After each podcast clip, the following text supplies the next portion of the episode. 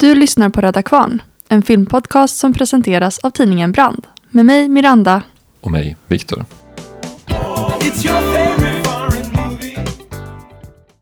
Jag ska säga det här om att vi har sett en film, men, men eh, det känns liksom svårt att säga det nästan, för jag är lite lätt övertagad. Du har inte bara sett en film, du har Herregud. ätit en jättestor madeleinekaka och druckit en stor kopp Lindbloms te.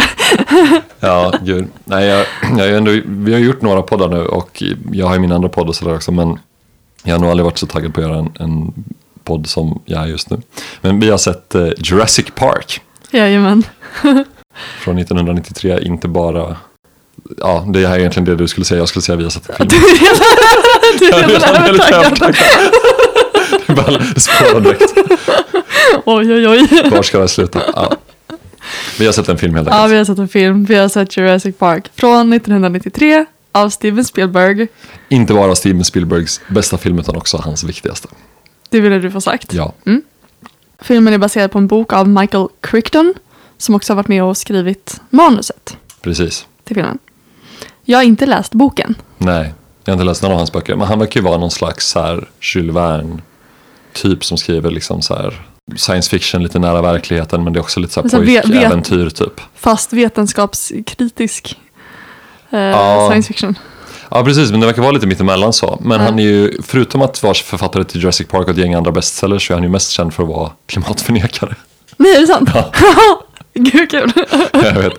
och eh, han är också väldigt känd för att vara lång, så det kan jag ju identifiera mig lite med. Han är eh, en bit över två meter lång. En bit över två En bit meter. över två meter, Okej. typ 205 centimeter. Men det är inte, alltså, liksom, nu, nu blev jag lite förvånad att han är klimatförnekare för Mm. att det är ju, alltså, det är väldigt få som är det. Ja, Så man blir bara förvånad därför.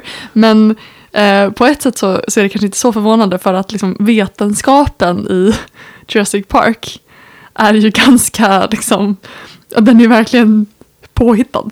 ja Alltså den, är- den är ju verkligen fantasifullt påhittad. Så på så sätt så passar det ju ihop med att vara klimatförnekare.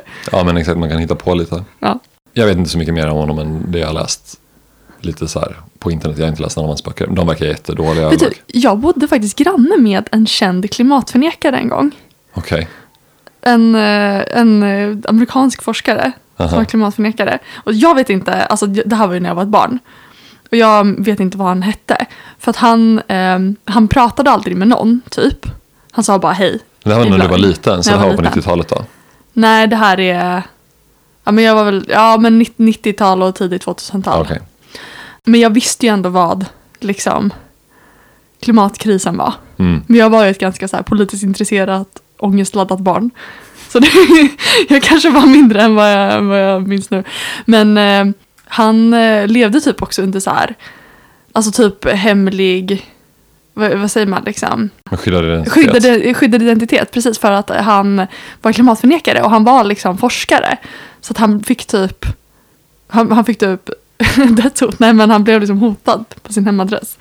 eh, för att han var klimatförnekare. Var det av typ klimataktivister? Ja, Jaha. alltså, ja. Jag menar, jag märkte inte det här. Vi bodde ju grannar. Jag såg aldrig några så arga klimataktivister utanför vår port. Skönt. Ja. Eller? Ja, nej men... eh, Blandade känslor. Men det är inte han som har skrivit manus till Jurassic Park. Som vi ska prata om nu. Nej, Det här var bara... det var en annan klimatskeptiker. Det var klimatskeptiker. De gör olika saker. Vissa av dem bor i Uppsala, andra skriver manus till bestsellers. Ja. Ja. Yes. Men eh, om vi ska dra handlingen då Mm. i Jurassic Park. Så handlar den här filmen om en rik affärsman som heter John Hammond. Som har tagit en hel ö utanför Costa Ricas kust i besittning för att bygga en jättelik nöjespark tillika naturreservat för dinosaurier. Mm. John Hammond alltså spelad av eh, Richard Attenborough, David Attenboroughs storebror. Ja, det är hans storebror. Det är hans storebror. Ja, för jag tyckte det var lite konstigt att det var så här himla... Man såg det i eftertexten också bara så här, spelad av så här, Richard Attenborough. Och jag bara, men jag vet inte vem Richard Attenborough är. Men han, han är tydligen... eh, Han är någon jätte... Ja, ja, han är liksom en av 1900-talets viktigaste brittiska skådisar och regissörer och filmproducenter. Men det förklarar saken bättre. Ja. Men alltså jag tror inte, jag har inte sett någonting han har gjort. Den, hans mest kända filmer är väl Gandhi, som han har regisserat liksom. Han Okej. spelar inte den. Den Han, fick ju massa han priser sånt spelade inte Gandhi. Det hade- Han hade säkert gjort en bra insats. Säkert. Han har lite samma ansiktsform som Gandhi och han har ju glasögon precis som Gandhi. Så att, ja. I alla fall, eh, hans mest kända film är Gandhi och A Bridge Too Far som han har liksom regisserat så. Men jag har inte sett någon annan film med honom. Men tufft ändå att vara en av, eh, en av Storbritanniens så här, viktigaste skådespelare och, och liksom filmskapare. Och ändå hamna i sin brors skugga. Ja, just. Ja, men det, är- ja, det är också intressant att Christian gör den här filmen och är klimatförnekare och hans liksom den här protagonisten kan man väl säga att han är Hammond. Spelas ju då av liksom en av de mest kända så här klimat inte antiförnekarna, vad säger man? Klimatalarmisterna liksom, eller klimat... Vad? Beskyddarna, nej. Vurmarna, klimatvurmarna. Naturvurmarna. Ja, Ja. helt enkelt. Hans bror. Mm. Ja, lite spännande. Men i alla fall, han har byggt den här dinosaurieparken eh, med hjälp av en teknik där de, de använder, de, de kommer åt dinosaurie-DNA eh, genom myggor som har levt liksom jämte dinosaurierna och sugit blod från dem och som har blivit bevarade i bärnsten. Då kan de liksom borra upp den här bärnstenen och eh, suga ut blodet som myggan i sin tur har sugit från dinosaurien. Eh, och på så sätt har de liksom the blueprint då till att skapa dinosaurier. Men det här är ju väldigt gammalt DNA och det är ju skadat och det är svårt att skapa hela DNA-sekvenser. Så det de har gjort då det är att de har tagit lite grod-DNA och bara lagat Inga. DNA-sekvensen. Inga Nej. konstigheter. Nej, Alltså i verkligheten nu så börjar de ju komma mot den här punkten. De har ju typ återskapat mammut-DNA som är typ en miljon gammalt ja, i verkligheten. ja. Alltså jag vet inte riktigt hur nära det här är. Om man googlar så här, det finns väldigt många artiklar från hela tiden, alltså det publiceras varje år Ja, alltså om man, om man Flera typ lyssnar säger- på forskare inom citationstecken på Institutet för framtidsstudier och sådär. Då, då är vi väldigt nära att, Jättenära. eh, att eh, återuppväcka mammutar. Och det är också vår plikt. Det har deras filosofer kommit på. Okej. De har insett det. Att om man har för ett logiskt resonemang så är människan skyldig att återskapa mammutar för det var vi som utrotade dem. Det är ren logik. Det är ren logik. Okej. Så att om du ifrågasätter det, Viktor, Då- då vet jag inte. Men jag är inte så mycket för logik, jag är mer för kaos. Mm, då har du gemensamt, något gemensamt med en av de andra protagonisterna i den här filmen. Men eh, i alla fall, Du, du, tänker, du tänker på T-Rexen. ja, jag tänker på T-Rexen, exakt. T-Rexen i och för sig, det kommer vi komma till, men det är T-Rexen som bringar ordning. Det är väl velociraptorerna som står för kaos kanske. Ja, ja, eller? Är de det? Jag vet inte. Mm, ja, Men eh, i alla fall, dinosaurier är ju ganska farliga, visar det sig. Och eh, en anställd, min, minst en anställd, blir uppäten av en dinosaurie. Eh, och då blir investerarna oroliga, för Nöjesparken har inte öppnat än. Mm. De har tagit in liksom stora investeringar. Investerarna blir De tror- oroliga. de tror inte folk vill betala så mycket för att bli uppätna dinosaurier. Att bli uppätna dinosaurier. Nej, men Nej. precis. De ifrågasätter väl om, om det här verkligen är säkert. Mm. helt enkelt. Eh, och eh, då bestäms det i typ företagsstyrelsen eller whatever, jag vet inte, eh, att eh, två experter ska komma in och så här göra en, en granskning av parken och komma med expertutlåtanden huruvida den är, kan anses vara säker. Mm. Och de experterna som de tar in då, det är då dels matematikern och kaosteoretikern Ian Malcolm som spelas av Jeff Goldblum. Bloom, Jeff Goldblum. Modeikonen Jeff Goldblum. Alltså, Han är en modikon i den här filmen. Han är en modikon än idag. Så jag rekommenderar alla lyssnare att bildgoogla Jeff Goldblum fashion. verkligen. Alltså den mannen bär upp Prada som ingen annan. Mm. Minns du att jag försökte referera, vi pratade om honom i någon helt annan film och jag försökte liksom säga vilken skådis det var och bara, men han som har så snygga så här, röda mattanglade, han som alltid bär Prada. han kommer dit och så har vi paleontologen Alan Grant som spelas av Sam Neill. Och sen så, ja okej, vad vill du säga om honom? Som skulle spelas av Harrison Ford. Ja, och det ser, ser man ju. Ja, exakt. Det här är ju en dålig, det här är en dålig Harrison Ford-kopia.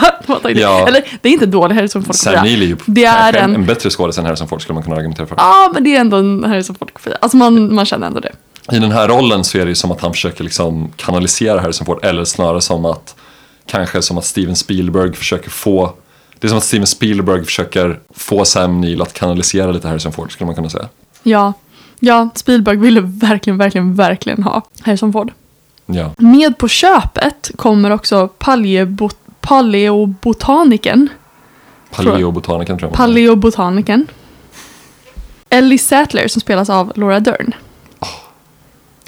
Riktigt, riktigt stark karaktär. Otroligt stark skådis, jag måste bara Ja, flika in det. och alltså man måste ju se hennes senaste serie.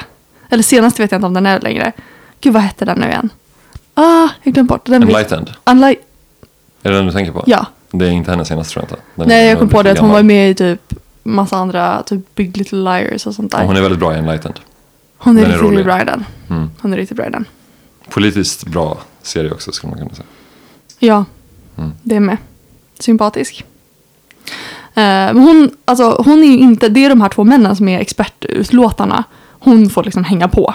Eftersom hon är ihop med Sam Neills karaktär, Ja, Alan Grant. ska det visa sig. På slutet typ. Men precis, det, men det är ju lite o... Precis. Det är lite oklart. Det, det är ju som att man... Det är hyfsat tydligt att det är så, men det är inte riktigt tydligt att det är så ja, i början. ja. Uh, Hammond tar också dit sina barnbarn, Tim och Lex. Bara för att de ska få ha kul och kolla på dinosaurier. Och jag antar också så här, alltså det här är ändå en beräknande affärsman. Han tar ju dit dem för att avdramatisera och visa att så här, jag tror på att den här parken är säker. Ja, precis. För den som ska vara med dem till, tillsammans med hela den här gruppen liksom på den här eh, bedömningen, det är ju den här advokaten som representerar investerarna. Ja, precis. Och eh, det är väl, barnen är väl där tänker jag för att visa honom hur barn kommer reagera på den här parken, det vill säga alltså liksom, man säga, kapitaliseringspotentialen. Ja. ja. Men jag tänker att det är dubbelt syfte. Mm. Vi får också se ganska tidigt att bakom ridån så pågår en del skumraskaffärer. Det är nämligen så att Newman Alltså nu har jag faktiskt inte skrivit upp vad den karaktären Wayne heter. Knight. Precis, Wayne Knight som Ja. spelar Newman i Seinfeld. Ja. Jag kommer referera till honom som Newman för att, Ah, du vet inte vad karaktären heter? nej, typ Jag tänkte, du, du sa det, men jag, hör, jag, tänk, jag hörde att du sa det, men jag tänkte liksom att du inte visste vad skådisen heter. För jag kan inte komma ihåg vad den här skådisen heter. Jag har liksom skrivit upp hans namn om och om igen genom mitt liv känns det som. Eller liksom verkligen försökt behövt kolla upp det, vad är det han heter nu igen? Ja. Men, ja, han heter Wayne Knight. Men jag undrar hur många Nedry. gånger, jag, uh, Nedry precis, men, Ja. men jag undrar hur många gånger den, alltså Wayne har blivit kallad för Newman Men jag i sitt undrar, liv. men jag undrar om kronologin här, för att liksom när, när är det Seinfeld slår riktigt stort och är han med från början? Newman är inte med i de allra första avsnitten. Men han kommer ju in, jag tror att han kommer in i första säsongen i alla fall. Okej, och när är den ifrån? Typ vadå, 89, 90? Ja, det är, Eller ju- är det jag, tänker, jag tänker tidigt 90-tal. Ja. Den här filmen är från 93, jag funderar på hur Mm. mycket Newman han är. Det som, Ja, står, det som står alltså- på Wikipedia är att eh, Steven Spielberg skrev ner hans namn när han såg Basic Instinct. Med Aha, Michael Douglas, okej. som Wayne Knight tydligen är med i, vilket jag inte visste. Nej. Bara, honom ska jag ha. Mm.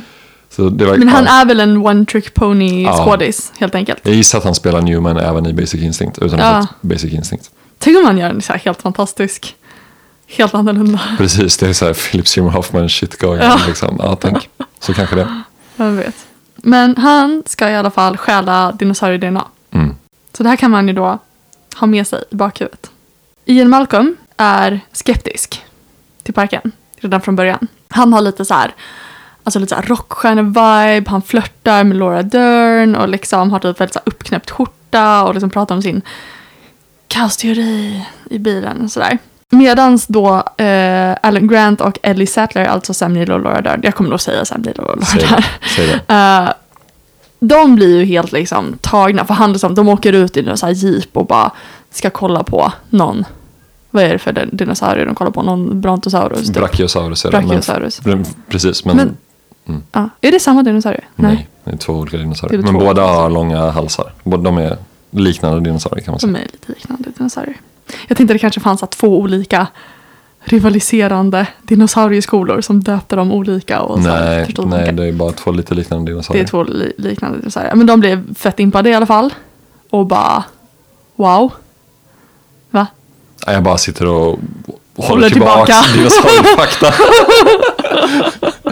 Bra. Yes, när, när jag var Jag liten, borde inte ha sagt någonting om brontosaurusar. när jag var liten så tyckte jag väldigt mycket om dinosaurier. Nej, men det gjorde alla Viktor. Ja, men ja, Alltså, jag kunde också säga asmånga dinosaurier när jag var liten. okej. Du har glömt Jag dinosaurierna. har glömt dinosaurierna. Det jag var glömmer aldrig dinosaurierna. Nej, det var länge sedan. Men i alla fall. Jeff, han liksom säger om och om igen att så här, det här är respektlöst mot naturen. Det ni gör här. Eh, och säger saker som att eh, ni har bara gjort det här för att ni kan göra det. Men ni, ni ställer er aldrig frågan om ni bör göra det. Utan ni, nu citerar jag lite fritt här, men ni, ni har ställt er på jättarnas axlar.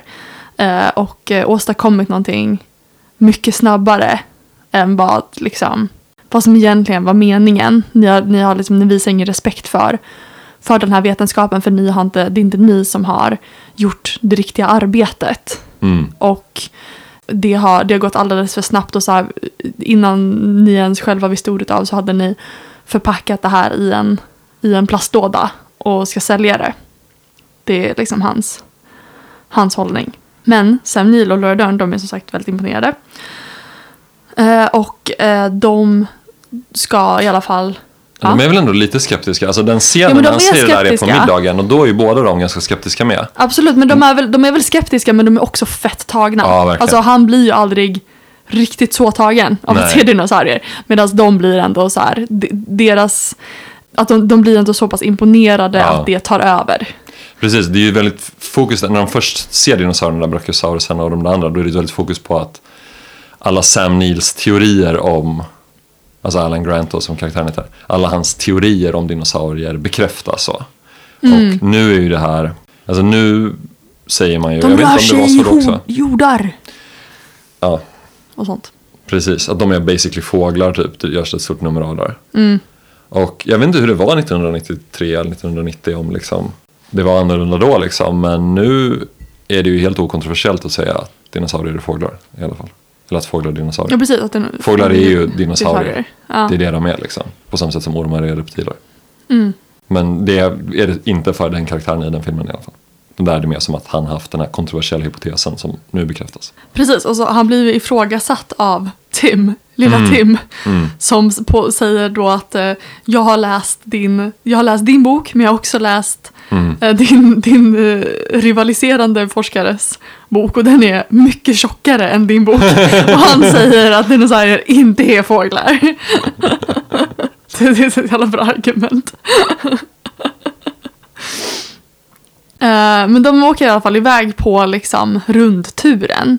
Eh, och eh, då åker de i så här förarlösa eldrivna bilar som liksom går längs ett, ett spår i den här parken. Och eh, de kommenterar det, liksom att Hammond kommenterar det att vi har, så här, det är så mycket som är automatiserat som möjligt. Eh, det är så lite personal som krävs här som möjligt. Och liksom framhåller det som att de, de ligger verkligen i, i framkant här. Det här är liksom framtidens nöjespark. Men ganska snabbt på den här turen, alltså dels så kör de ju förbi olika områden och liksom någon så här speakerröst säger att här lever den här dinosaurien och alla så tittar förväntansfullt ut i buskaget och så ser ingenting. Men eh, ganska snabbt så får vi, vet det, får vi veta att eh, Hammond som sitter i något slags kontrollrum tillsammans med Samuel L. Jackson som är tekniker. De förlorar kontakt med bilarna. De kan se vad som pågår och liksom höra vad som händer i bilarna men de kan inte själva anropa dem. Och de vänder sig till Newman och bara vad är det som pågår här? Och Newman bara ja men det, det går inte att ha alla funktioner igång samtidigt. Typ så här, prestandan räcker inte för det. Men det, det, det kommer snart tillbaka. Och redan här är man ju så här. Ah, vad ska hända? Alltså det är verkligen. Jag hade ju typ. Jag tror att jag har sett den här filmen någon gång tidigare. Jag visste ju i alla fall vad den gick ut på. Jag visste handlingen i den här filmen. Jag satt ju och så bet på naglarna. liksom, när de bara, varför kan jag inte anropa bilen? Jag bara, åh nej. Alltså den är ju väldigt spännande. Den är ju väldigt spännande. Alltså, så- det, by, det byggs ju verkligen upp Verkligen. alltså, på något sjukt sätt. Ja. Ja. Newman hasplar i alla fall ur sig att så här, Ja men förresten, eh, jag kör en uppdatering nu så ni kommer få tillbaka kontakten med bilarna. Men eh, det är olika system som, så här, olika små system som kommer stänga av sig. Det är inget att bry sig om, de bara laddar, startar om typ. Nu ska jag gå och köpa en läsk, för jag är sugen på något salt. och så försvinner man, han iväg. Och eh, då vet man att han är på väg för att stjäla dino-DNA. I alla fall, tillbaka till bilarna. För där har det blivit lite tråkigt på den här dinosaurieturen. Nu minns jag inte exakt vad som händer men de lämnar i alla fall bilarna. Eh, och eh, De får syn på en skadad triceratops. är det så det är? Att de får Mm. syn på den? Mm. Och det är Eh, då Dr. hon... Dr. Grant får syn på den. Dr. Grant får syn Samtidigt på den. som eh, Ian Malcolm då, alltså Jeff Goldblums karaktär, eh, håller på att förklara kaosteorin för Dr. Sattler. Alltså Laura Dern. Laura Dern eh, Mm. på ett väldigt flörtigt sätt. Just det. Och hon är jätteförtjust. Hon är oerhört förtjust. Ja. Alltså det är ju... Ja. Det är ju inte så tydligt att hon är ihop med Sam Neill här kan man säga. Nej, Jag, liksom, jag tycker inte att det är så här... Ian Malcolm behöver inte bli liksom metooad för, för hur han stöter på henne här, för det är jävligt oklart. Men i alla fall, precis. De ser den här skadade triceratopsen mm. och eh, går från bilarna och kan man säga så här, bryter, liksom, bryter protokollet på turen. Jag blir ganska förvånad när de bara kan öppna bil, de här dörrarna på bilarna. Ja. Det känns ju som en så uppenbar säkerhetsgris som man kanske borde ha tänkt på Ja, innan man kör ut i ett dinosauriereservat. vi för det till protokollet. Laura Dern bestämmer sig för att stanna med den här skadade triceratopsen och typ undersöka dess spillning lite noggrannare för att uh, se så här, vilken växt det är som har förgiftat den. Samtidigt som det här liksom händer, att de delar upp sig och lämnar bilarna så får vi veta att det är en storm som är på väg in. Och de vill egentligen försöka avbryta den här turen. Men det går ju inte, för de kan inte anropa bilarna. Men så det som händer är att eh, samtidigt som Laura Dern stannar hos den här triceratopsen så åker de andra vidare på turen. Och då eh, stannar de utanför T-rex-inhägnaden. Där de också så här, tidigare bara har suttit och väntat eh, på, att få se, på att få se en T-Rex. men inte får inte se någon helt enkelt. Så de har ställt ut en get som lockbete. Stormen drar ju in här och de fastnar där utanför. Den grejen är ju att eh, Nedry stänger ner hela systemet. Är det därför de fastnar ja, också? Absolut. Okej, för jag trodde bara Allting att det var, jag trodde att det var två separata grejer, att, de, att det var en del av, för det är ju dels så är det ju en svaghet i själva systemet som är inbyggd och sen så precis, ungefär här, för det vet vi då, att Nedry har, har smugit iväg för att stjäla dinosaurierna och han, han stänger ner säkerhetssystemen. Precis, för grejen är ju att de, eh, de är ju på väg tillbaka, därför de kör förbi T-Rex-grejen igen. Just För det, just det, just det, just det. stormen är på väg in. Då bestämmer ju Hammond och, och Samuel L. Jackson att så här, "Nej, men vi måste avbryta. De, de kan inte vara där ute när stormen drar in utan vi måste ta tillbaka dem. Men nu är de inte i bilarna så vi kan inte ta tillbaka dem omedelbart. Vi får göra det när de är tillbaka i bilarna. Just det, så det drar ut på tiden, Ja. sen ska de åka tillbaka och då stängs systemet av när de är Exakt. precis där utanför. Av Nedry. av Nedry. Samtidigt som stormen träffar ön liksom. Exakt. Och de tittar åt sidan och ser att geten är borta. Ja, De blir attackerade av en T-Rex, yes. För systemet är ju nedstängt inklusive då elstängslen. inklusive elstängslen. Mm. Vid det här laget så, ja, först blir den här advokaten uppäten. Yes. Han rymmer till en toalett och blir uppäten där. Det är mycket, When you, when you mycket- gotta go, you gotta go. Det är väldigt komiskt. Det är också så här, bara sån jävla känga till ett skrå typ. Verkligen. från Steven Spielberg. Då, då blir liksom så här, barnen ensamma i, i en bil och så sitter då Sam Neill och eh, Jeff Goldblum i, i den andra bilen. Och de, så här, barnens bil blir attackerade, de håller typ på att fippla med en jävla ficklampa som T-rexen reagerar på. Jeff och eh, Sam måste liksom rädda, rädda barnen ur bilen. Mm. Men det resulterar i att, att eh, Jeff blir skadad. Mm. Han blir typ huggen i benet eller någonting. Ja, men han blir, jag vet inte, men han blir skadad i alla fall.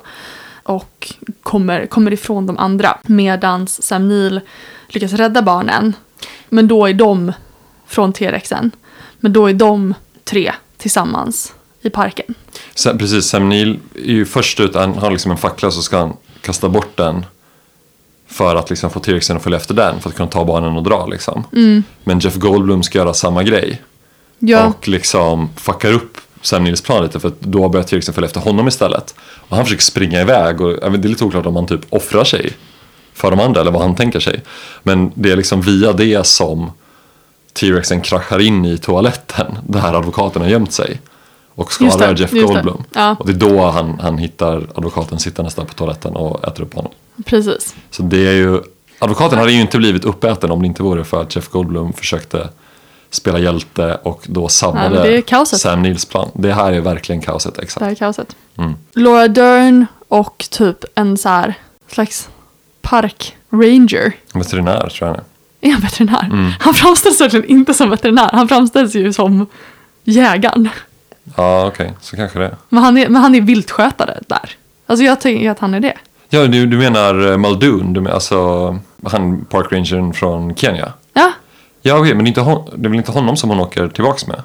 När de sen ska bara, vi måste hitta dem. Ja, precis, ja, då är det han. Ja, förlåt, jag tänkte fel. Ja. Ja. men hon, de åker, hon åker ju ja, men tillbaks okej, men till jag, centret jag, med jag, jag vet. veterinären. Och, Ja, det var därför och vi jag... pratade om det här innan Viktor, Ja. att vi skulle försöka att inte dra precis varenda så här Nej, men jag- jag encounter med bara- alla jag vill bara- dinosaurier. Jag blev bara så förvirrad. Ja. Jag blev bara så Men förvirrad. nu förstår du att jag blev förvirrad när du säger att den här jägaren är en Ja, veterinär. det förstår jag verkligen. Nej, då är jägaren inte veterinär och veterinären inte jägare. Det är två olika, två olika män. Veterinären är en pytteliten meningslös roll som bara är där för att Ja, köra jag minns till inte, exempel. jag minns inte veterinären. Jag är ledsen Nej, veterinären. man minns sällan honom förrän man har sett filmen. De åker tillbaka till liksom den här olycksplatsen och hittar i alla fall Jeff Goldblum liggandes där. Ja, Och eh, de stöter också på T-rexen men de lyckas, de lyckas ändå ta sig därifrån. ja. Så bara för att så här, så att man vet vart alla är nu. Så är eh, Sam Neill tillsammans med barnen.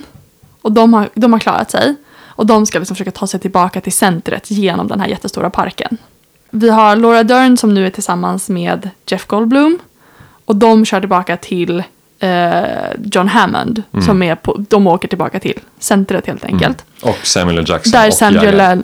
Jackson är och precis och tillsammans med jägaren. Yes. Wayne Knight, alltså Newman, Ni- Nivi, Nevi, Ne- Nedry. Nedry, han, han har ju då snott eh, dinosaurier-DNA och det har liksom varit en så här kamp mot klockan där han ska försöka hinna med den sista båten.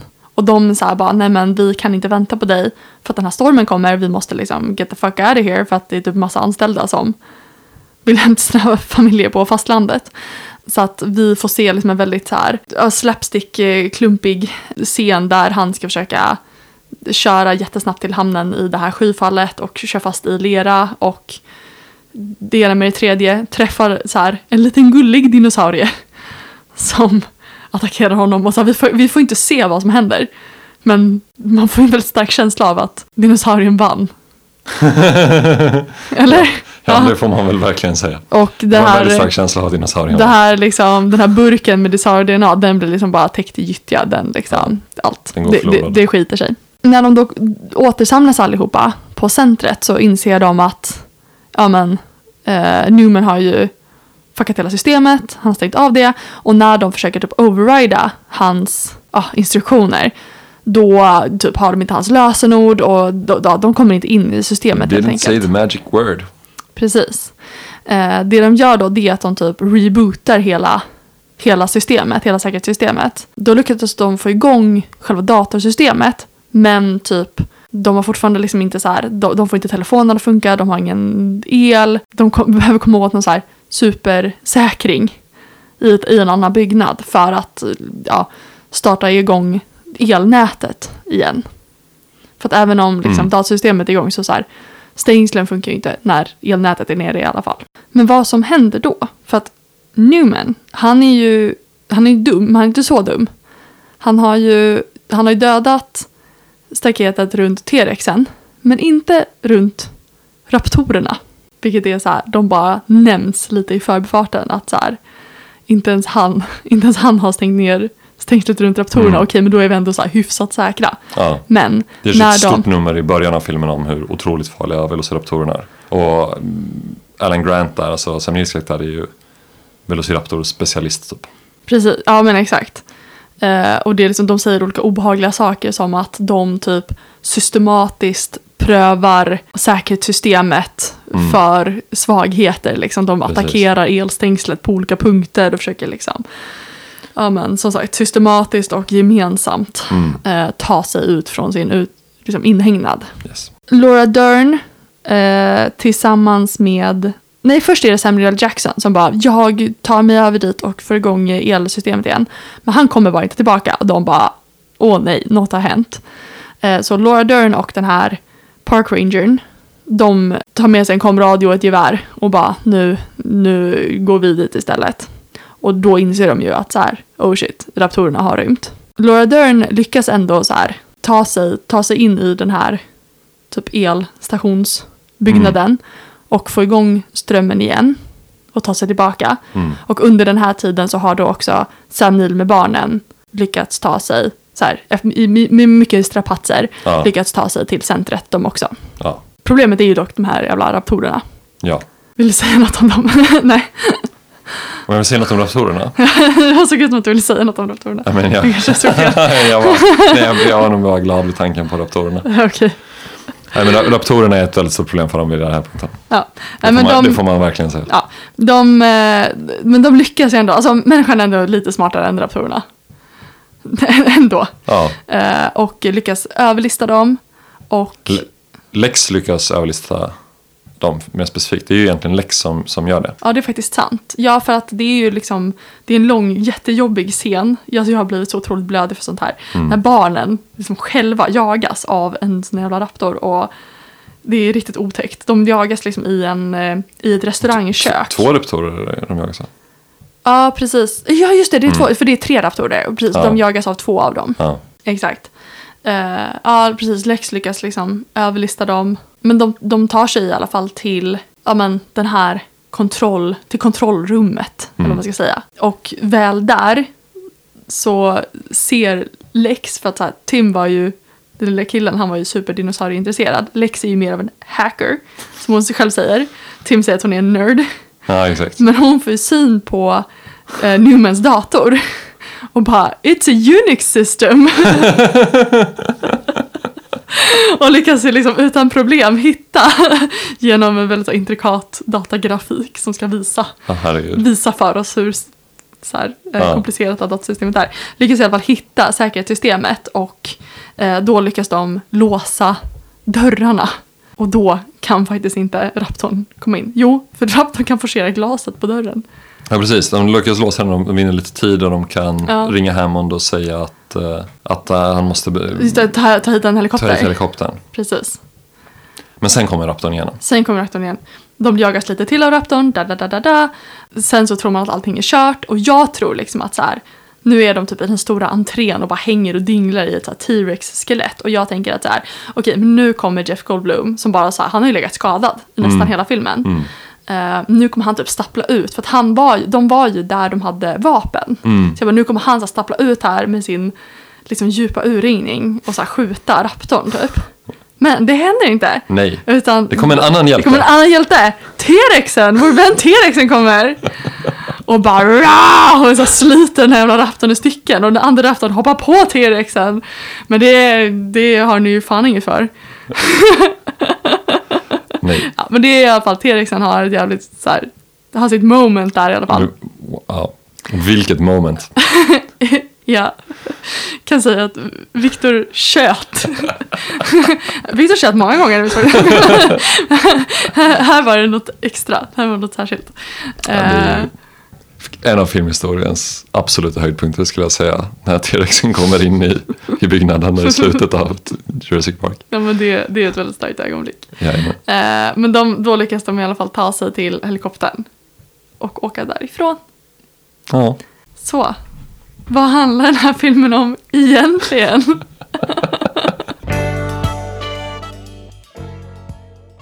Alltså, det här är ju en film som handlar om så himla många saker och ja, men det, är ju, det är ju kul att göra den här podden för att av många skäl, det, är ju liksom, det här är den film jag har sett flest gånger i livet. Jag såg den här, vi hade den här på VHS-kassett liksom när jag var barn, Nu vet inte kidsen vad du pratar om. Jag Alltså, bara, det är, absolut, det är absolut inga som inte vet vad VHS är som lyssnar på den här podden tror jag. Nej, det tror jag inte heller. Jag hoppas inte det. Eller? Jo, det hoppas jag väl. Nej, jag vet inte. Det, Det är ingen som gör det i alla fall, så det spelar ingen roll vad jag hoppas. Men, ehm, det, och det finns ju, alltså, det är ju så att liksom, även när jag ser den idag så känner jag ju, ja men lite som jag såg, jag såg den här nya remaken de gjorde av den. Vilket ju, Är det en remake eller är det liksom en annan handling? nej det är inte en remake utan det är en uppföljare kan man Ja. säga. Den utspelar sig lika många år efter som det är mellan filmerna, typ, på samma ö liksom. För de har byggt upp en park trots allt, eh, på samma ö liksom, i den. Och det är ju en otroligt korkad film jämfört med Jurassic Park. Alltså den är ju verkligen så. Alltså själva handlingen karaktärerna och sådär, allting är helt idiotiskt. Men det är ju ändå en film som är fantastisk eftersom den har massa dinosaurier som äter upp varandra, de äter upp olika människor och liksom sådär. Så att ha, ha sönder om- väldigt många olika saker. Pratar om trean nu? Nej, Nej. jag pratar om Jurassic World. Jurassic World. Ja. Och vilken är det? Det är den uppföljaren de gjorde för några Ja, det år är sedan. tvåan. Nej. Nej, Ja, men trean. nej. Jurassic Park. Det finns Jurassic Okej. Park från 1993. Sen finns det Jurassic Park 2 The Lost World från typ 97 eller någonting. Ja, ja, ja. Och sen finns det. Jurassic Park okej, 3 okej, som är från, tror jag, 2001. Aha. Och sen så fin- gjorde de Jurassic World för, häromåret bara. Ja, det är Lego-filmen. Nej. Jag skojar bara, jag skojar bara. nu bara, nu bara provocerar jag. Min puls bara... Känner ur kinnet. Jag vill säga så här, okej boomer, fast okej killen. Eh, nej men Jurassic World gjordes för några år sedan. Det, det är liksom en helt annan, helt andra karaktärer och den är liksom... Men varför pratar du om den här? Nej men att den är helt idiotisk men det är en fantastisk film för den har alla de här dinosaurierna Ja, som har ja, sönder olika ja. saker och äter upp olika saker. Den här filmen har ju både dinosaurier Ja, och en fantastisk precis. handling. Men för att komma tillbaks då vid den här långa utläggningen om min barndom och olika andra filmer. Så att vad den här filmen egentligen handlar om är ju det uppenbara den handlar Dinosaurier. om dinosaurier. Alltså, är, man behöver liksom ge en lång förklaring. Men det är inte riktigt en förklaring heller, utan jag bara säger olika saker. Men det här är ju i grund och botten en film som handlar om dinosaurier och det är därför den är, det är det som är den stora pilen med den här filmen. Men det finns inte så mycket mer att säga om det än att dinosaurier är fett. Så jag tänker att vi kan prata om andra saker istället. Liksom. Vi kommer få säkert liksom möjlighet att återkomma till den poängen ändå. Ja, det är ju det är något som ändå förtjänar att understrykas många gånger.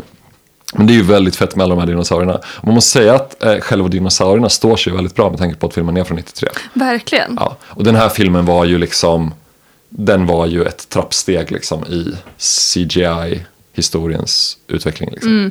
Och faktum är, det har en konstig Wikipedia-grej när jag läste eh, inför den här poddavsnittet nu. Michael Crichton, han är ju, det har också varit lite snack om honom på senare år för att han ligger bakom Westworld som gjordes en tv-serie om. Eh, eller utifrån häromåret som var åtminstone en ganska bra första säsongen. Och den handlar ju också om ett nöjespark som spårar ur.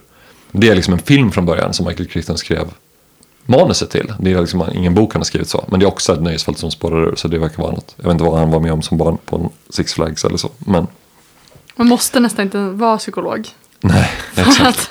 att ställa sig de frågorna. exakt. Men eh, det är den första filmen någonsin som använder eh, dator och specialeffekter. Jaha. Så det är liksom någonting med honom och dator och specialeffekter. Men han har Ja. också typ sålt dataprogram och grejer. Han är en fascinerande karaktär den här Christian. Ja. Men den här filmen, jag vill liksom bolla tillbaka frågan till dig lite. För den här filmen, jag tänker att den är väldigt nietzscheansk. Och jag vet inte riktigt, jag tror inte det kommer från Christian själv. Jag är tveksam till att han har läst Nietzsche. Eller åtminstone har något vettigt att säga om honom. Men på något sätt är den här filmen ju väldigt nietzscheansk. Tänker jag att den handlar om viljan till makt. Och den handlar om den glada vetenskapen. Alltså det finns ju den här väldigt eh, liksom direkta Nietzsche-referensen som Jeff eh, Goldblums karaktär står för. Mm. När han säger God created dinosaur, dinosaurs. Mm. God destroys dinosaurs. God destroys man. God creates man, God creates man. Mm. Man destroys God. just det. Man creates dinosaurs. Yes. Varpå Laura Dern ju fyller, fyller i Ja.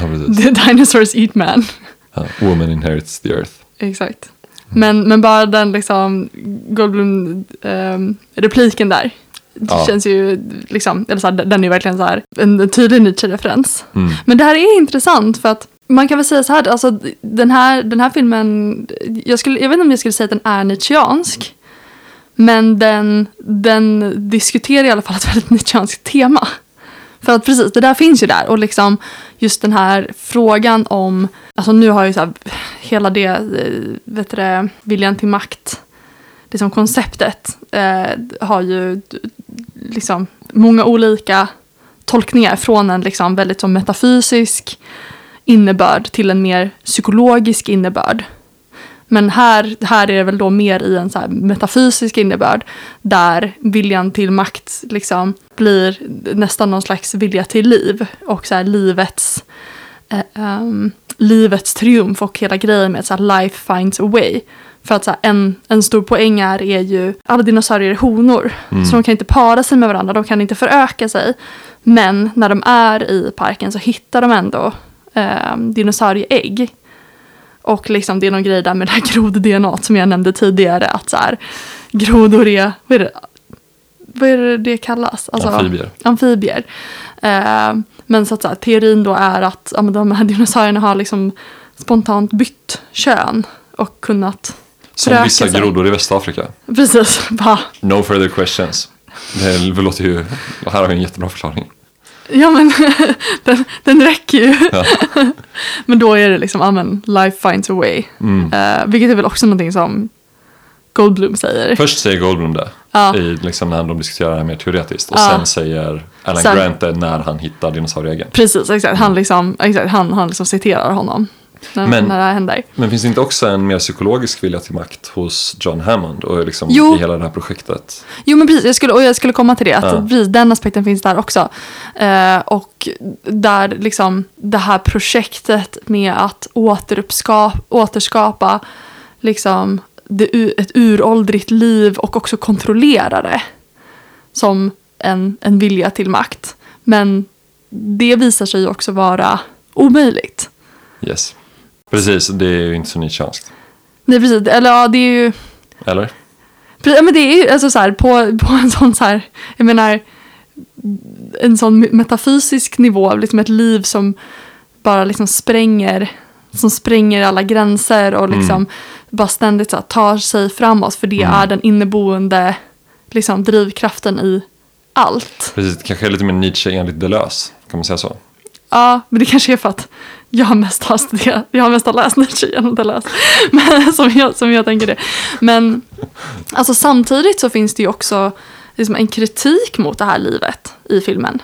För det är onaturligt och det är, det är också ett liv som vi får veta så här, inte kan överleva utan mänsklig inblandning för att de här dinosaurierna behöver något ämne som bara som de får liksom från människorna. De blir som utfodrade med det. Så att skulle de liksom rymma från den här ön, då skulle de ju dö. För de, de kan inte klara av att producera det här ämnet. För vidare information se Jurassic Park 2, The Lost World. Okej. Ja, men det är bra att veta.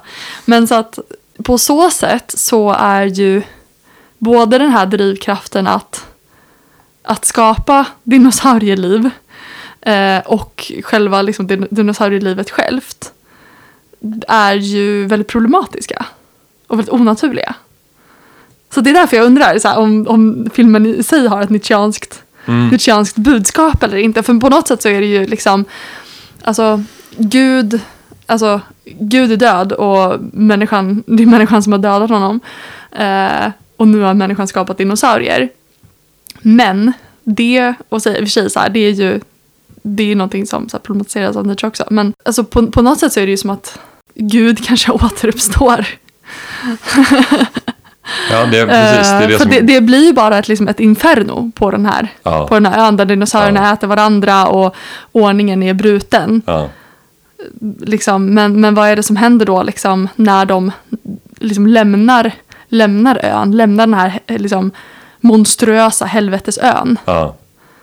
Eh, då återvänder de ju till typ Guds rike och liksom, civilisationens ordning. ja, det är sant. Vad är det då? Ja, jag, vet inte. Ja, Det är inte Nietzsche heller. det är inte Nietzsche i alla fall. Nej, det är sant. Nej, men jag tänker på, Om det inte är Nietzsche så vet jag inte. Då har jag inga svar. men jag tänker på vad det Hammond säger också, liksom, när de pratar om alltså när han får den här kritiken av, eh, Malcolm innan de åker ut på den här eh, turen på ön.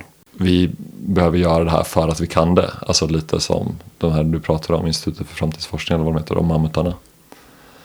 Alltså att kan vi göra det så, så ska vi göra det och jag vill göra det. Och att han säger väl till och med att så här, creation is a matter of will typ eller något åt det hållet. Ja, Att det verkligen är så här, ja, men vi skapar det vi vill med vår vilja typ.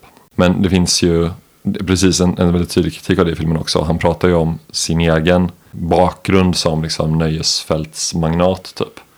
Som börjar med någon liten loppcirkus som bygger på frågan om en illusion. Och nu vill han skapa någonting som är verkligt, så här, verkligt levande. alltså när han började prata om sin loppcirkus. ja. Alltså jag, jag satt verkligen och jag bara, men alltså jag har aldrig sett en loppcirkus. Alltså gud vad häftigt ändå att man kan träna.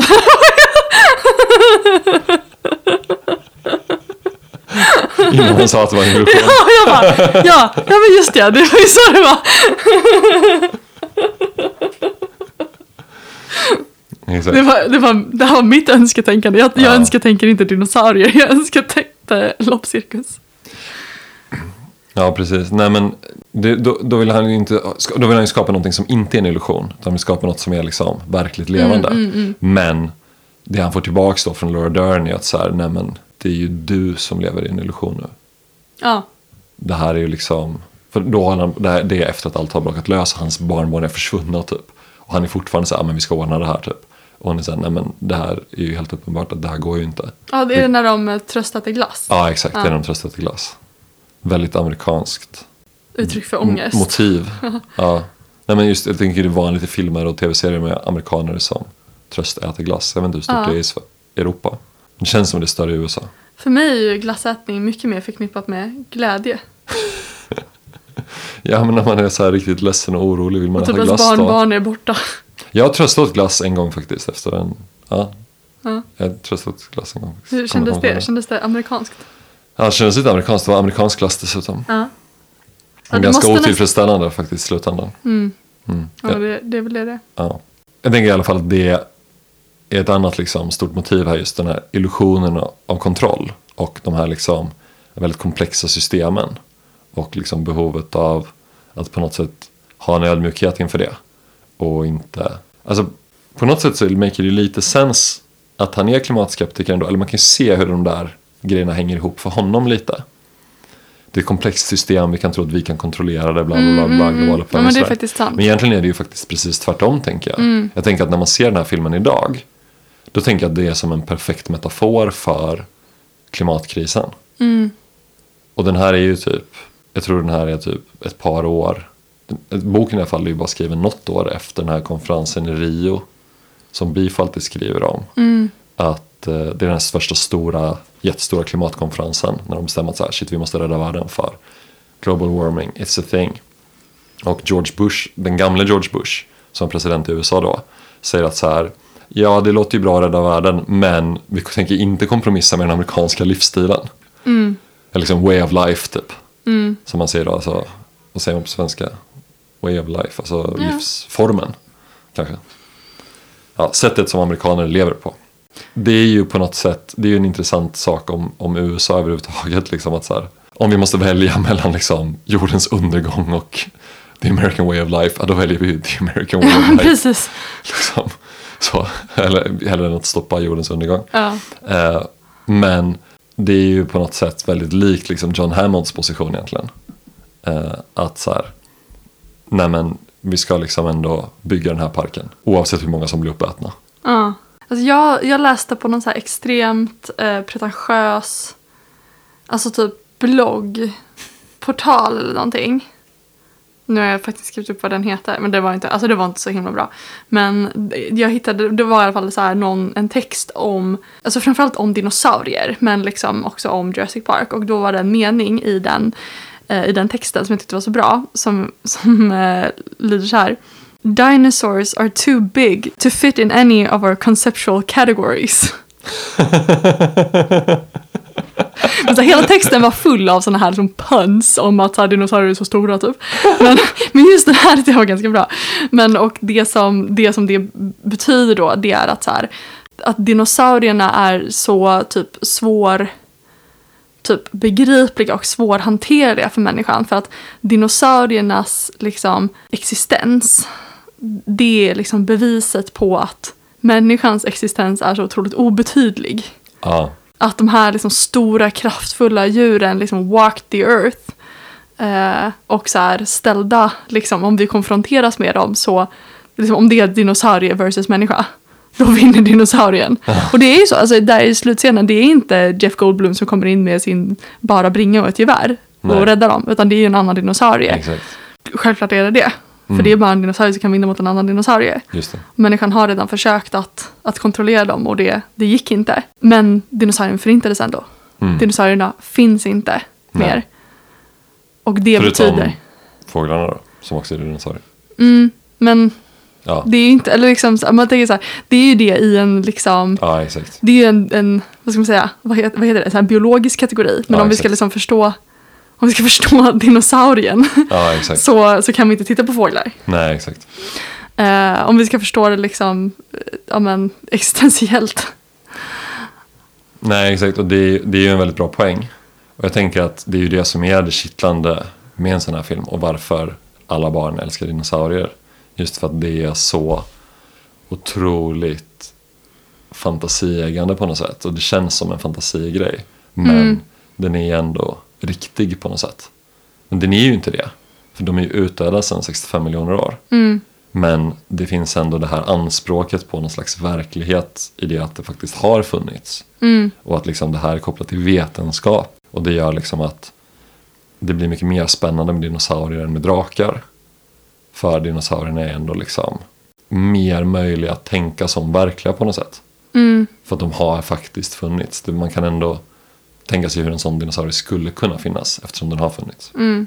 Men det är väl också anledningen till, tänker jag, till att alltså många, att så här, vilka är intresserade av, av dinosaurier? Jo, det är ju barn och det är paleontologer Ja. och liksom några till. Jag menar, jag kan också säga att ja, men det är häftigt med dinosaurier, men jag ska jag liksom ärligt så här, är jag så intresserad av dinosaurier? Nej, det är jag inte, för de Nej. fyller mig med sån fruktansvärd existentiell ångest. för det här är ju som att se liksom Alltså det här är ju som att både se hajen och konfronteras med sin egen så här, obetydlighet i universum. En annan bra Steven Spielberg-film. Ja. Och med hajen är ju läskig på ett annat sätt för att hajen är så jävla evig. Där ställs man inför det istället. Alltså hajar kan bara så här simma, simma, simma, simma, simma. Bara så här i hundratals år och bara inte dö. Åh fy fan vad läskigt. Det är också riktigt obehagligt. Efter den filmen, att den filmen kom, var det du som berättade det här för mig? Ja, det är jag som har berättat det. Ja. Vill, du- vill du berätta det då eller ska jag steal your thunder? jag kan berätta det. Att, eh, men jag såg en dokumentär som handlade om så här, livet efter hajen. Och liksom de, de politiska eh, och typ biologiska konsekvenserna som hajen fick. Eh, och att eh, efter det så här, jag menar hajen har väl alltid varit liksom fruktad. Men att det liksom, den piskade upp ett sånt otroligt hat mot hajar och särskilt mot liksom, den stora vithajen. Eh, och det gjorde att man typ längs många så här, kuster började ordna så här, det blev väldigt populärt med hajjakt som en sån ja, men, lyx, liksom, eh, jakt, eller så här, fiskegrej liksom. Eh, Så att man, liksom, man skulle liksom ha ihjäl en så stor vit haj som möjligt. Mm. Och då tror man att man kan bemästra sin rädsla för hajen. Ja men precis, Men man går så, bara så, djupare, kan, djupare in i den. så, kan, så kan människan segra mot hajen. Men det som då händer det är typ att de här stora vithajarna de lever liksom på ganska så här djupt vatten långt ut. Men det de gör är också att, så att de, liksom, de jättestora hajarna, så här, alltså allt som oftast, de kommer inte in till stränderna. Inte, det är inte så vanligt i alla fall. Men när man dödar de här stora hajarna, då liksom har de tidigare fungerat som en barrikad mot andra så här, yngre, aggressivare, mindre hajar. Och det är de som tar sig in till stränderna och dödar, liksom, dödar människor. Som dödar liksom, badgäster. Eh, så att när man dödar liksom, massa stora vithajar då ökar antalet hajattacker. För att man har, liksom, man har rubbat det här. Man har rubbat ekosystemet helt enkelt. Mm. Så att så här, ja. Nu är typ hajar, jag vet inte hur så här, utrotningshotade de är. Men det var i alla fall en stor skillnad efter filmen Hajen.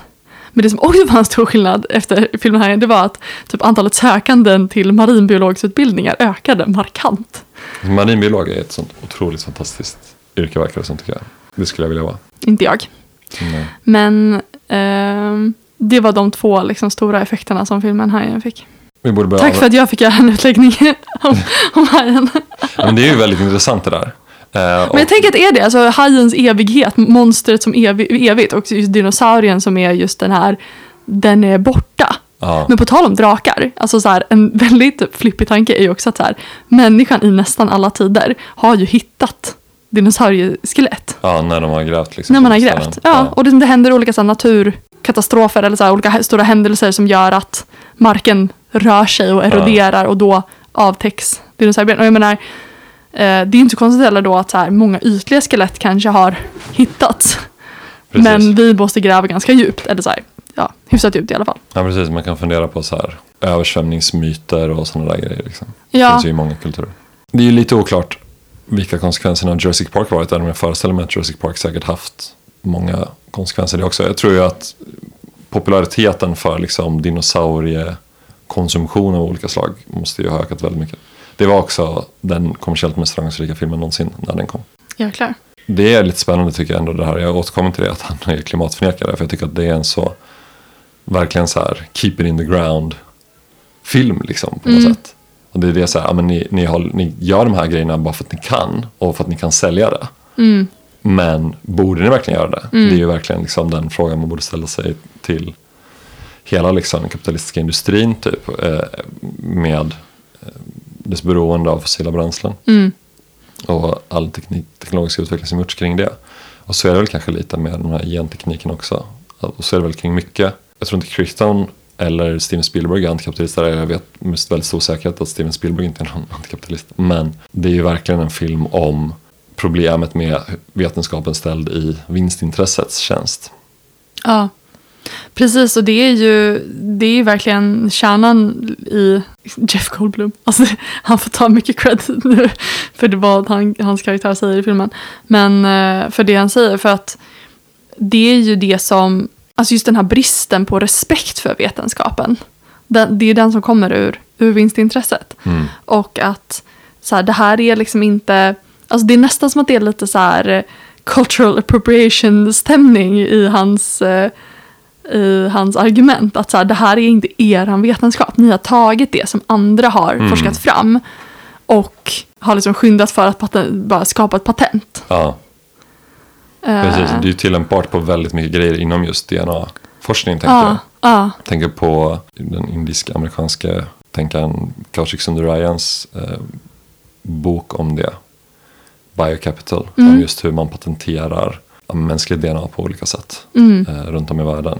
Eh, och och liksom de juridiska ramverken kring det. Och liksom hur så stora kapitalintressen är liksom helt beroende av, av det där. mm. Precis, och samtidigt som man också har ett liksom, forsknings, eh, system där liksom, den stora grundforskningen finansieras av statliga medel. Mm. Men sen liksom kliver, kliver läkemedelsjättarna in liksom, och Mm. just så här tweakar någonting och sätter ett patent Ja. på det. Exakt. Men så här, inget av det hade varit möjligt utan den här jättestora grundforskningen Nej, som ju är finansierad av gemensamma medel. Men det är ju lite spännande med den här patentkritiken också. För att Michael Crichton har ju själv eh, stämts för plagiat rätt många gånger. är det sant? Ja, men han har vunnit varje gång. Okej. ja, då så. Yes. Vi, vi, och vi vet ju redan vad han tycker om advokater. Ja, exakt. Fast, det, ja, fast det är oklart. Jag tror att, eh, ja, Det kanske är Spielbergs. jag tror att det där är Spielbergs grej. Jag tror att i boken är det annorlunda. Att advokaten tror jag överlever i boken. Det är någon annan karaktär som inte är med i filmen som blir dödad. Är det kvinnan? Nej. Nej, det är typ, jag tror det är någon, jag vet, osäker. Det är någon annan. Ja. Mm. Jag har inte läst boken, jag har bara läst Wikipedias plottsynopsis. Så jag, jag minns inte exakt. Ett annat spännande, spännande tema i filmen, tycker jag, det är ju kön. Mm. Alltså jag tänker både i bemärkelsen eh, att, så här, ja, men, att Laura Dern och den här, den här flickan Lex är verkligen hjältinnor. Ja. De är otroligt så här, kapabla och det görs ju, alltså, det görs ju väldigt många sådana liksom, ordagranna, alltså typ Laura Dern typ säger någonting om att så här, till Hammond tror jag att det Mm. är, att liksom, jag orkar inte debattera typ din sexism just nu utan jag tänker bara gå och fixa den här grejen som du har Ja. ställt till med istället Ja, vad ska man säga, ja, men det är bara sådana liksom exempel på så starka kvinnliga karaktärer helt enkelt. Mm. Men det finns ju också en intressant så här, maskulinitetskritik i filmen. Som jag egentligen tycker är mer kanske intressant än liksom, bara så här, starka kvinnliga karaktärer. De här olika, liksom, de olika männen i filmen, de representerar ju också så här, olika sorters maskulinitet, eller så här, maskulinitetsutövning åtminstone. Verkligen. Och det går ju inte så bra för dem. Nej. Eh, man tänker liksom Hammond som ju alltså, har det här ja, men, viljan till maktdrivet att liksom bli, ja, men, ta Guds roll som, Ja. som skapare liksom, i så här profitens intresse. Det är ju liksom typ hela, hela budskapet i filmen är att så här, det är fett dåligt. Ja. Och det bör man inte göra och det går också åt helvete och han blir liksom, han är ju en ganska så flamboyant karaktär som liksom glider in i deras liksom trailer när de är på en utgrävningssajt och så här Mm. korkar upp deras champagne och bara ni ska följa med mig, jag finansierar all er forskning, bla bla bla, jag har en vit linnekostym. Typ. Mm. Och Men han ska är vara ju lite bara, gentleman sådär liksom. Han är ju någon, han är ju liksom Ja. lite så här, vad ska man säga, vänlig. På olika sätt. Han spelar väl lite den här liksom gamla rike patriarken tänker jag mig. Ja. Liksom. och filantropen. Precis, Ja. men det går inte, funkar inte heller för honom alls. Nej, och Alla ser grejen är också... igenom det på något sätt och liksom tittar på, men vad är det du håller på med här Precis, och egentligen? g- jag tänker också att här, det som händer i början av filmen, det är ju att han sitter i det där kontrollrummet och liksom typ pratar lite med bilarna. Och sen så bara, vänta lite, jag kan inte göra det längre. För att jag har så här bortrationaliserat typ all personal och Ja, liksom ja, men, har den här superoptade liksom, tekniken. Men nu så här, nu, nu tappade de kontakten. Så nu Ja. sitter jag bara i det här kontrollrummet och jag är bara en gammal farbror Mm. nu. Som inte ens kan så här, jag kan inte ens skydda mina barnbarn. Och han blir väldigt liksom handlingsförlamad. Han kan, inte, han kan inte göra någonting. Sen så har vi Ian Malcolm, alltså Jeff, eh, Jeff Goldblum. Eh, som ju är mer den liksom intellektuelle rockstjärnetypen. Och som liksom han, han så här, säger sina grejer liksom på så här Mm snidigt sätt. Och han så här, stöter på Laura, Laura Dern och sådär. I'm always Men- on the lookout for a future ex-Mrs. Malcolm. Exakt. Ja, så, Eh, precis. Sista Crichton kur kuriosa då. Han är alltså, författaren är också skild typ sex gånger. Och så här, det, här- det här är han. Ja, ja det, det, då är det verkligen. Och i boken så är han mycket mer aktiv under andra halvan. Okej, ja, det, är- det är intressant. För att Ehm. just för att i filmen så blir han skadad. Ja. Och liksom, han gör ju det som du sa, att han fuckar upp när han ska liksom avleda den här T-rexen. Så han lyckas ju inte med det. Och grejen är att det där är ganska snyggt för att Precis som du sa, så det som, jag tänkte just säga Harrison Ford försöker göra, stackars Sam Neill. Det som Sam Neill gör, det är ju att han ska liksom typ vifta lite med där och kasta den åt sidan. Men han vet ju, han fattar ju typ hur så här T-rexens syn fungerar. Medan Jeff Goldblum, han bara springer runt och flaxar och kastar den där åt olika håll. Och T-rexen ser ju honom, för att han rör ju sig hela tiden och han blir ju liksom det intressanta eh, målet. Så att, ja, T-rexen skiter i att han har kastat bort facklan och följer bara efter honom. Han gör det på ett sånt sätt som är så här, typ om jag skulle försöka avleda en T-rex, då skulle jag ju också göra exakt som Jeff Goldblum. Men eller hur? För det, han Ja, gör det som en sån filmmove. Så bara, Ja. Nej men gud, det funkar inte. Det funkar Nej. ju i alla andra filmer. Varför Ja, funkar det inte i filmen jag är med i? Det är lite Nej. den känslan. Verkligen. Men han blir skadad och sen så liksom, ja men, han eh, bidrar inte så jättemycket Nej. mer i resten han har, av filmen. Han har ingenting att komma med. Han har ingenting Han att kom med sin kritik där i början och den är, Han blir fast i kontrollrummet med eh, Hammond. ja, Han är liksom immobilized och Ja. avmaskuliniserad. Kastrerad. Det är, han, det är han inte. Han ligger och är jävligt sexig. Men han blir ett sexobjekt men han då. är precis kastrerad. Ja. Liksom Hammond. De är ju de är väldigt De är, kastrerade kast, de är, precis, de är fasta och de är Ja. kastrerade. Och sen så till slut så har vi, eh, alltså vi kan ju säga så här Newman också, men, men han är ju sån, alltså Ja, clownkaraktär Ja. bara, så skurk-clownkaraktär. Och dör ju också. Men sen har vi Sam Neill då. Och hans karaktär, han är ju liksom den, den segrande mannen i filmen. Men det som han segrar genom, det är ju genom att han lyckas skapa en liksom väldigt typ nära kontakt och så här omvårdande relation med de här barnen. mm. Som man är väldigt skeptisk till i början. Liksom. Ja, Vi får ju reda på, Malcolm frågar ju Alan Grant eh, i en bil när de är själva så här, är, är ni ihop? Och han bara, ja, typ. Och då, då backar han liksom. ja, Men hon vill ju ha barn och han vill inte det, han gillar inte barn. nej. Men sen börjar han gilla det för han blir tvungen att rädda de här barnen. Precis. Mm. Men han gör det ju liksom, så på ett sätt så gör han olika liksom sådana maskulina hjältegrejer. Men de är ju väldigt, alltså de står ju ändå i, i bakgrunden till att han typ lyckas få så här barnen att så här lita på honom. Han kommer inte att lämna dem. För att advokaten som satt i deras bil lämnade ju barnen och Ja. de blir liksom skiträdda över det. Mm. Och att bli attackerade av en T-rex. Det är typ lite Det är lite både och. både och liksom. Ja. De två är sakerna, de är lika rädda för bägge liksom. Ja, ja. ja men det är också liksom när typ Laura Dern ser honom med barnen som, alltså man ser typ att så här, hon, hon blir liksom förälskad i honom på nytt och liksom, se, liksom det, det är så som han blir ett, liksom en åtråvärd man för henne.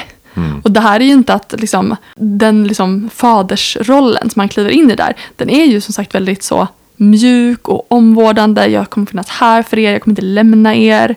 Det är den sortens fadersroll. Det är inte liksom, jag vet inte, en mer sån klassisk så här, vänta här, jag ska bara, och så får barnen sitta i någon grotta medan han dödar dinosaurier. Det är inte det som sker liksom. det är verkligen ju, motsatsen. Det är ju hon, det är ju Lex som räddar dem.